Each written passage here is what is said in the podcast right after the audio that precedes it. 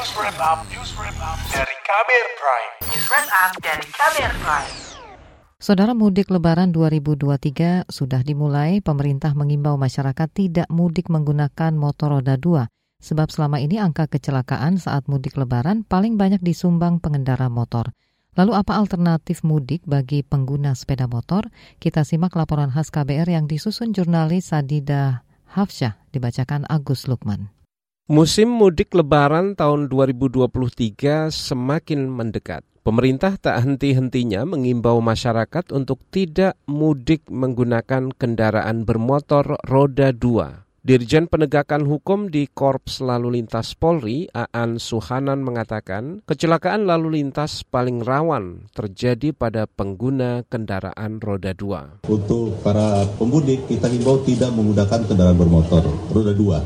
Karena data kita menjelaskan bahwa dari 100 persen, 78 persen eh, kecelakaan lalu lintas yang terjadi ini melibatkan sepeda motor. Dengan alasan yang sama, Wakil Presiden Ma'ruf Amin mendorong masyarakat untuk memanfaatkan fasilitas mudik gratis yang disediakan pemerintah dan berbagai pihak daripada mudik menggunakan motor. Kita himbau supaya dia betul-betul menjaga diri dan mempersiapkan diri kalau mudik pakai motor. Ya, sebab itu itu berbahaya ya. Kalau bisa memang pemerintah meminta jangan pakai motor karena itu ada pergerakan untuk mudik gratis itu. Saya kira itu ya mudah-mudahan tahun ini kalau tidak ada bagus atau ya jumlahnya tidak banyak. Himbauan juga disampaikan Menteri Perhubungan Budi Karya Sumadi. Apalagi pada lebaran tahun ini diperkirakan jumlah pemudik meningkat drastis hingga 123 juta orang.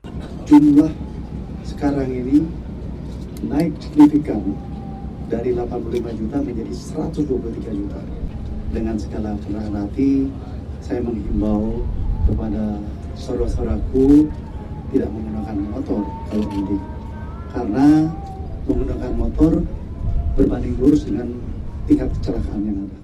Pemerintah telah menyediakan berbagai fasilitas mudik gratis yang dapat dimanfaatkan, mulai dari bus gratis, kereta gratis, hingga kapal gratis untuk pemudik lebaran. Pada pertengahan Maret lalu, Direktur Angkutan Jalan di Kementerian Perhubungan, Soeharto menyebut ada kuota sebanyak 24 ribu lebih penumpang mudik gratis lebaran tahun ini. Jika dirinci, kuota sebanyak 18 ribu lebih penumpang untuk arus berangkat dan lebih dari 5 5.500 kuota untuk penumpang arus balik. Selain moda bus untuk penumpang, Kementerian Perhubungan juga menyiapkan 30 truk untuk mengangkut 900-an sepeda motor milik pemudik. Yang pertama untuk di wilayah Pulau Sumatera, ada dua kota berdasarkan hasil kajian dari BKT, yaitu untuk kota Palembang dan Lampung, Kemudian untuk Jawa Barat ini ada tiga kota yaitu Garut, Tasikmalaya, dan Cirebon. Sedangkan untuk di wilayah Jawa Tengah dan Yogyakarta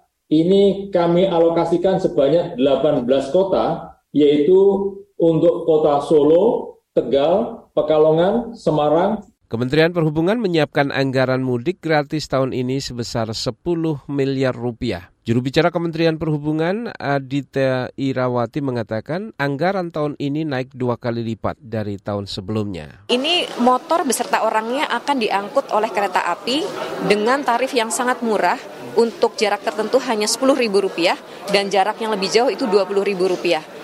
Jadi meskipun namanya mau digratis tetapi setidaknya masyarakat bisa harus mengeluarkan harga yang sangat-sangat terjangkau ya di mana di situ nanti bisa ada satu motor yang diangkut dan setidaknya ada dua anggota keluarga yang bisa berangkat. Meski ada fasilitas mudik gratis, diperkirakan tetap akan ada pemudik yang memilih mudik menggunakan sepeda motor. Pengamat transportasi dari Masyarakat Transportasi Indonesia MTI, Joko Setiowarno meminta pemerintah memastikan rambu lalu lintas di jalan utama maupun jalan alternatif untuk mudik mudah dipahami oleh pengguna jalan. Joko meminta agar pemerintah memperhatikan akses jalan, terutama jalan rusak. Pemerintah daerah wajib memasang peringatan jika di wilayahnya terdapat jalan yang rusak. Ia juga meminta pemerintah memperbanyak fasilitas lokasi istirahat atau rest area yang berkualitas untuk pemudik. Joko Setiawarno mengatakan jika sopir mendapatkan istirahat yang layak dan berkualitas, maka risiko kecelakaan lalu lintas yang berakibat fatal bisa ditekan. Ya bahwa kecelakaan itu terbanyak karena sopirnya ngantuk. Nah kalau ngantuk istirahat. Nah kalau istirahat saya kira banyak tempat lah nanti.